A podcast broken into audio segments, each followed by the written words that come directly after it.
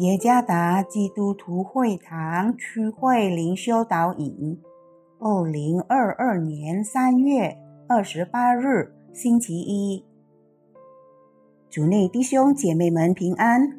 今天的灵修导引，我们要借着圣经箴言书第一章第七节来思想今天的主题：敬重和畏惧之间。作者艾尔发传道。箴言第一章第七节：敬畏耶和华是知识的开端。愚妄人藐视智慧和训诲。我的朋友名叫安迪，他向我诉说他和父亲的童年经历。凭借着为印尼国家武装部队成员的专业背景，他的父亲对他进行了严格的教育。如果安迪犯了错误，父亲会大声斥责他。安迪经常感到恐惧。但这并没有让他想要远离父亲，原因是安迪需要父亲的存在，每天养育他、保护他免受伤害，并在困难时支持他的父亲。那种恐惧反而让他顺服和尊敬父亲。箴言书的作者所体验的也是这样的感觉。他说：“敬畏耶和华是知识的开端。敬畏耶和华的大有倚靠。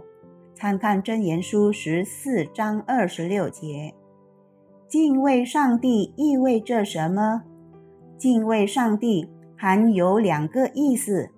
第一点是惊恐或畏惧的意思。”圣经记载了许多关于人们面对上帝时的恐惧反应的故事，例如，上帝在火中的出现，参看出埃及记十九章二十节；或以雷电象征为上帝的声音，参看约伯记三十七章第四节。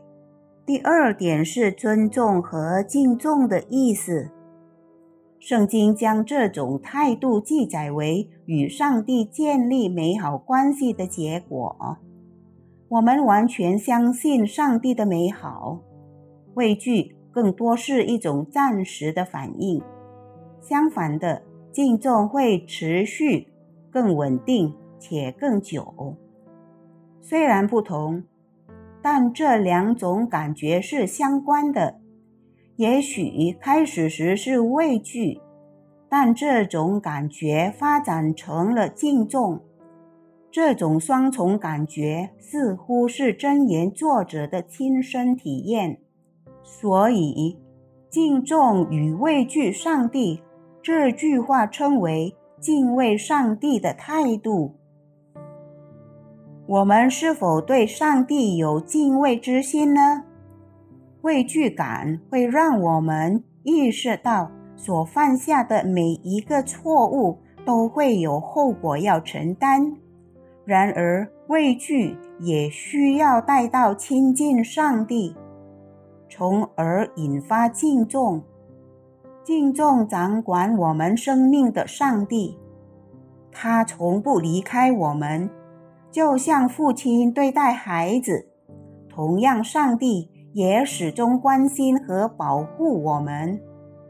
上帝已经如此爱我们，就让我们怀着敬畏的心跟随和敬拜他吧。敬畏上帝是带来智慧的指示。主耶稣赐福。